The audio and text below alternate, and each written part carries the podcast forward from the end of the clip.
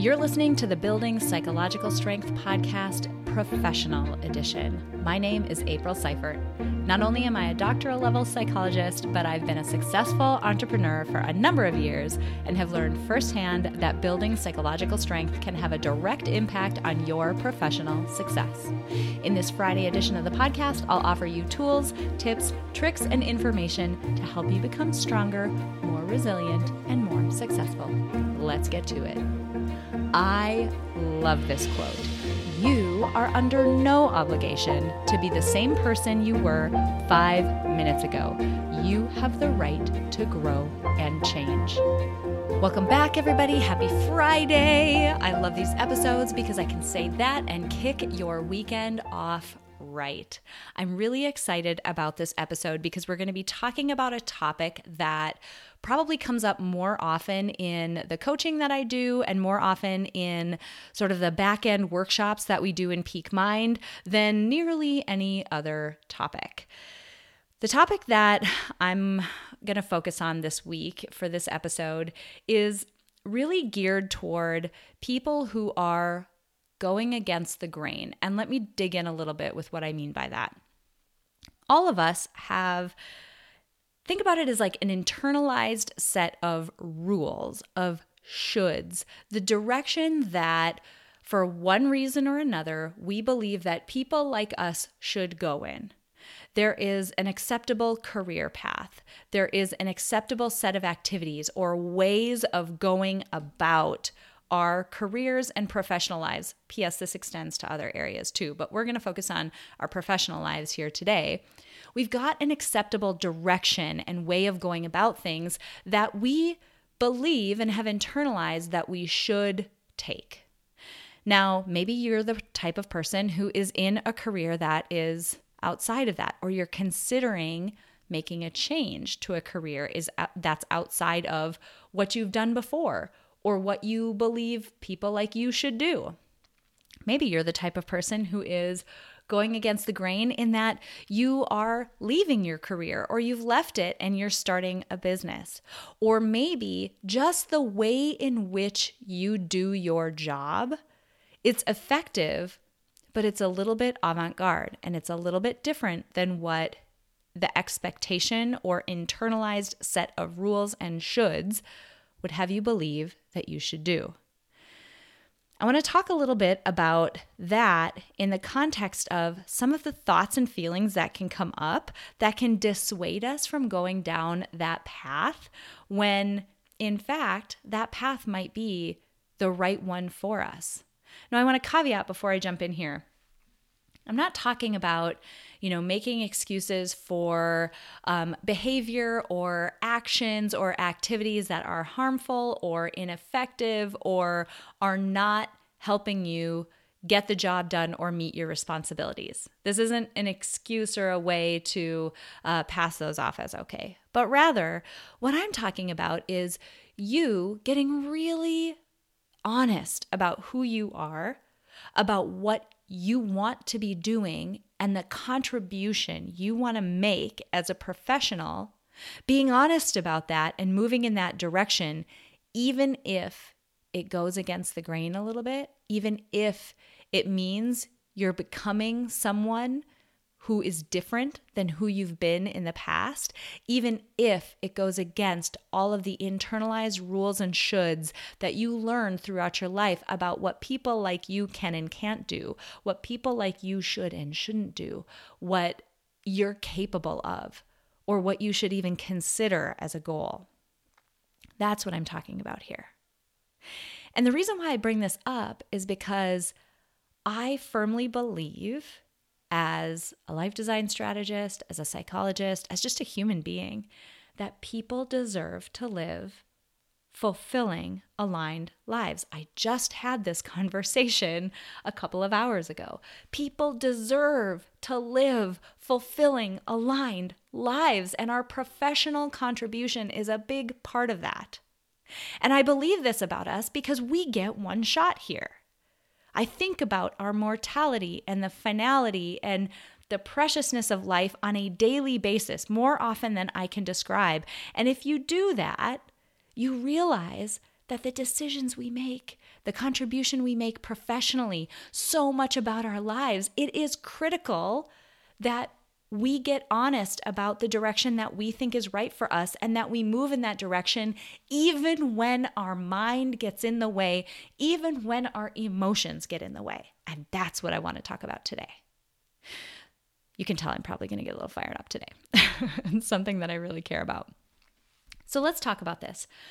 You've got a direction that you want to move in. You've got a thing you want to do that's new or different. You are quote unquote breaking the rules from what you've been taught that people like you should do. Typically, when we're in that situation, our mind tends to bring up thoughts and feelings and stories and justifications and judgments and predictions that all tend to point in a catastrophic negative direction. They tend to make us feel not confident about the direction that we're going.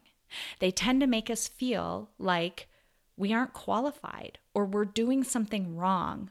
Or to use a word that Ashley uses all the time to sort of sum up all of that, we feel some internal ick.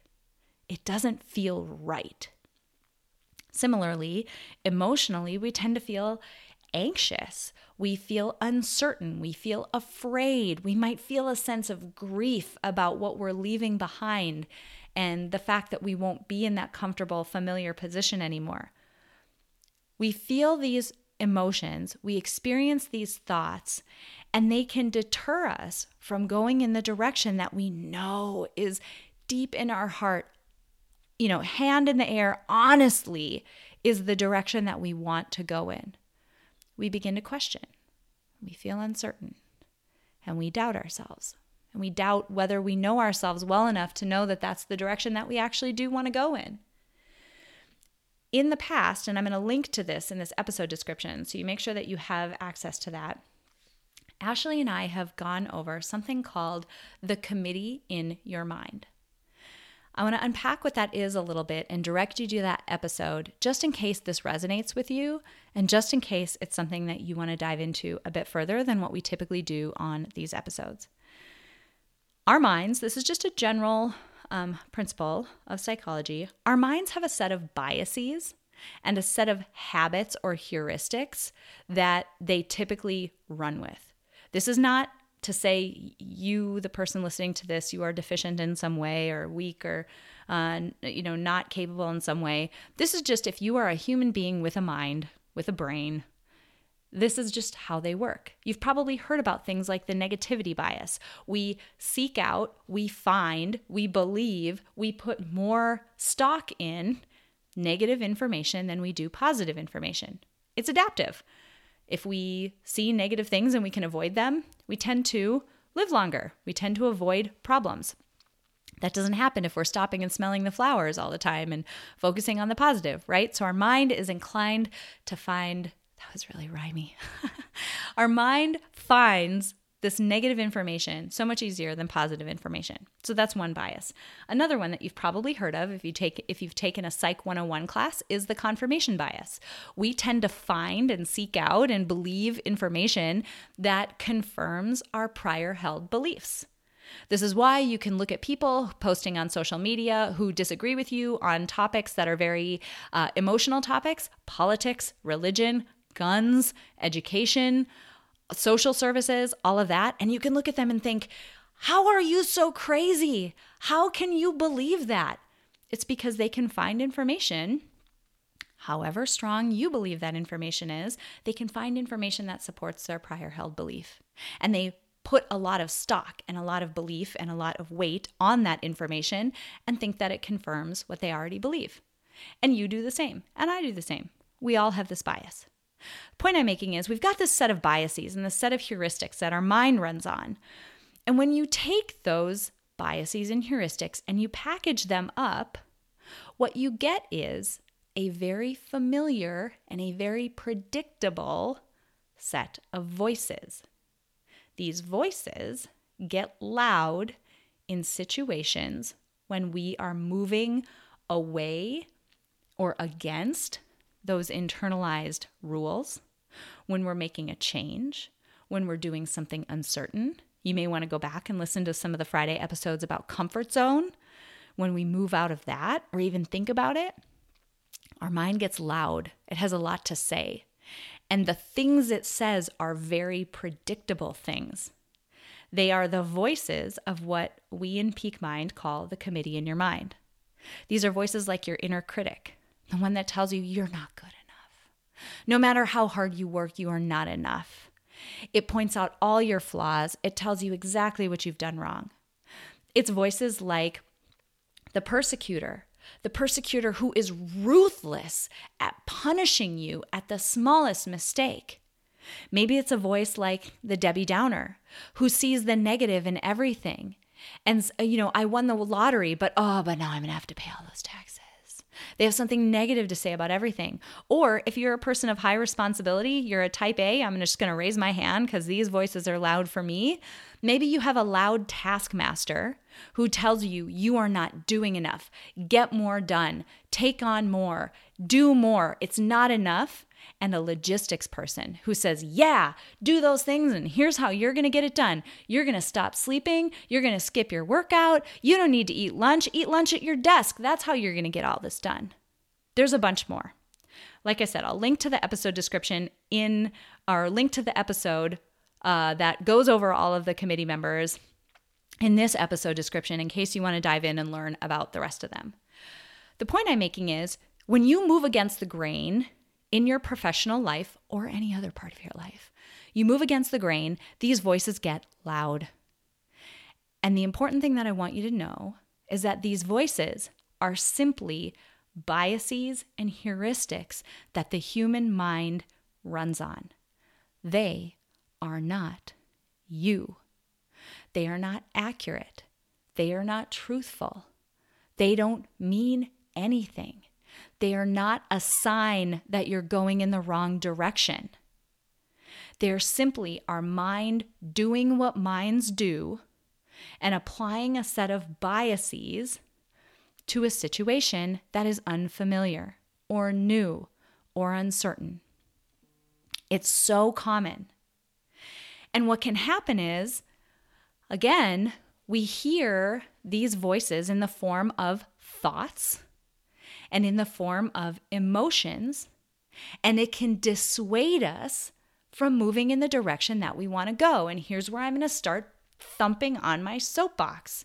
You deserve to have a life that is fulfilling. You deserve to move in a direction that is aligned to you.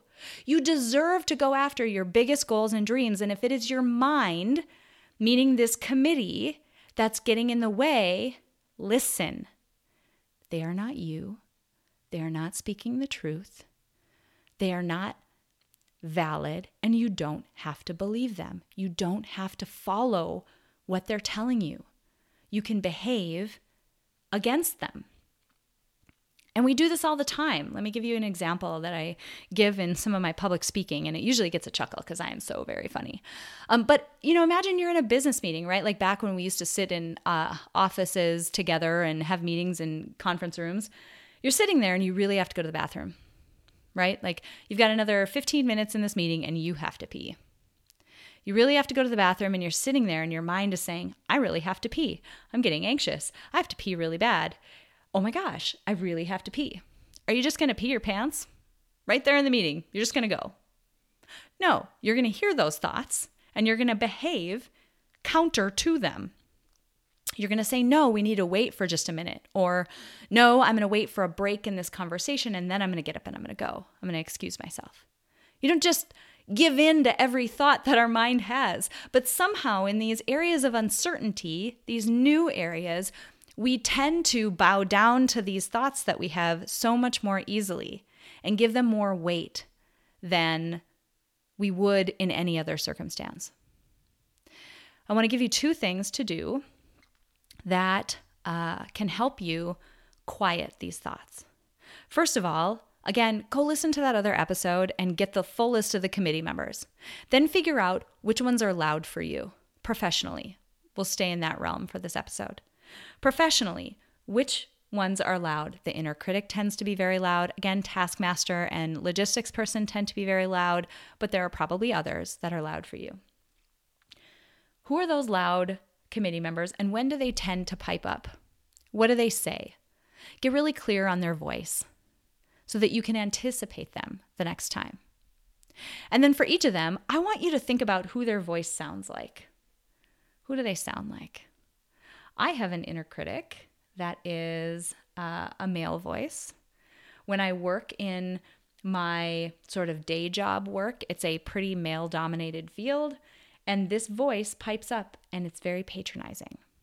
And it tells me that, oh, that's so cute, April, that you thought you were good at that. You're so adorable. That's adorable that you tried to speak up in that meeting and make that contribution. It doesn't mean that I'm not valid in making that contribution in that meeting. It doesn't mean that I didn't actually have something to say. That's just my mind doing what it does. It's just the voice of my inner critic. We'll call him Rick. Please don't get upset if your name is Rick. Uh, it's not you. it's just the name that I've given it, and it is a perfectly fine name. But the point is, give those voices a name that is separate from you and call them by their name. If you call them by their name, what you're doing is creating some distance between you and that voice. And that psychological distance is all it takes sometimes to be able to give you the ability to continue to act and go in the direction that you want to go because you know it's right for you, in spite of the fact that those voices have something to say, and in spite of the fact that those voices are making you feel uncertain or a lack of confidence.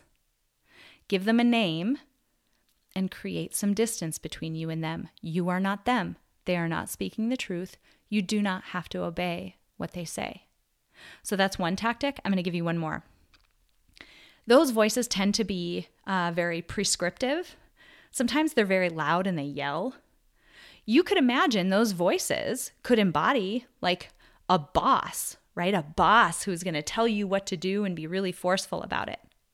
But who else tells you what to do and is forceful about it? Toddlers. They have a lot to say about what you should or shouldn't be doing right now. They tend to be super emotional about it and really forceful. You can imagine that that voice is embodied by someone who looks like a boss or an authority figure, or you can put that voice in the body of a toddler. One of those is a relationship that puts you in a position of authority and one is not. Think about putting yourself in a more helpful position in order to allow you to move against those voices. Ultimately, and I've said this twice already, but I'm going to say it again before we wrap up. Ultimately, you deserve to live a life that is in alignment with who you really are. This is not a dress rehearsal. We're here once. Your professional contribution, your professional life is so important and it's a big part of what your life is going to be. Think about that and do what you need to do to put yourself in a position where you can move in the direction you want to go in spite of what these voices are saying and in spite of how they're making you feel. All right, friends, before I go, I recently introduced you to the Blinkist app, which takes some of the best, most influential, most valuable nonfiction books and gists them down into 15 to 20 minute summaries. In 15 to 20 minutes, you can listen to a series of blinks and understand the key concepts, insights, and take home points from some of the most transformative books, and you can get started for free. I want to thank Blinkist for sponsoring this show. And because you're a listener, you can try Blinkist for yourself for free for seven days using the link in this episode description. And by clicking on that link, if you get addicted to Blinkist like I did, I use it literally every week, you can get 20% off an entire year of Blinkist by clicking on the link below. Thank you so much for joining me for this professional edition of the Building Psych Strength podcast. If you are an entrepreneur or a professional and you're interested in becoming more successful, hit the subscribe button. And until next week, be strong, be resilient, and be successful. At Parker, our purpose is simple. We want to make the world a better place by working more efficiently, by using more sustainable practices by developing better technologies, we keep moving forward. With each new idea, innovation, and partnership, we're one step closer to fulfilling our purpose every single day.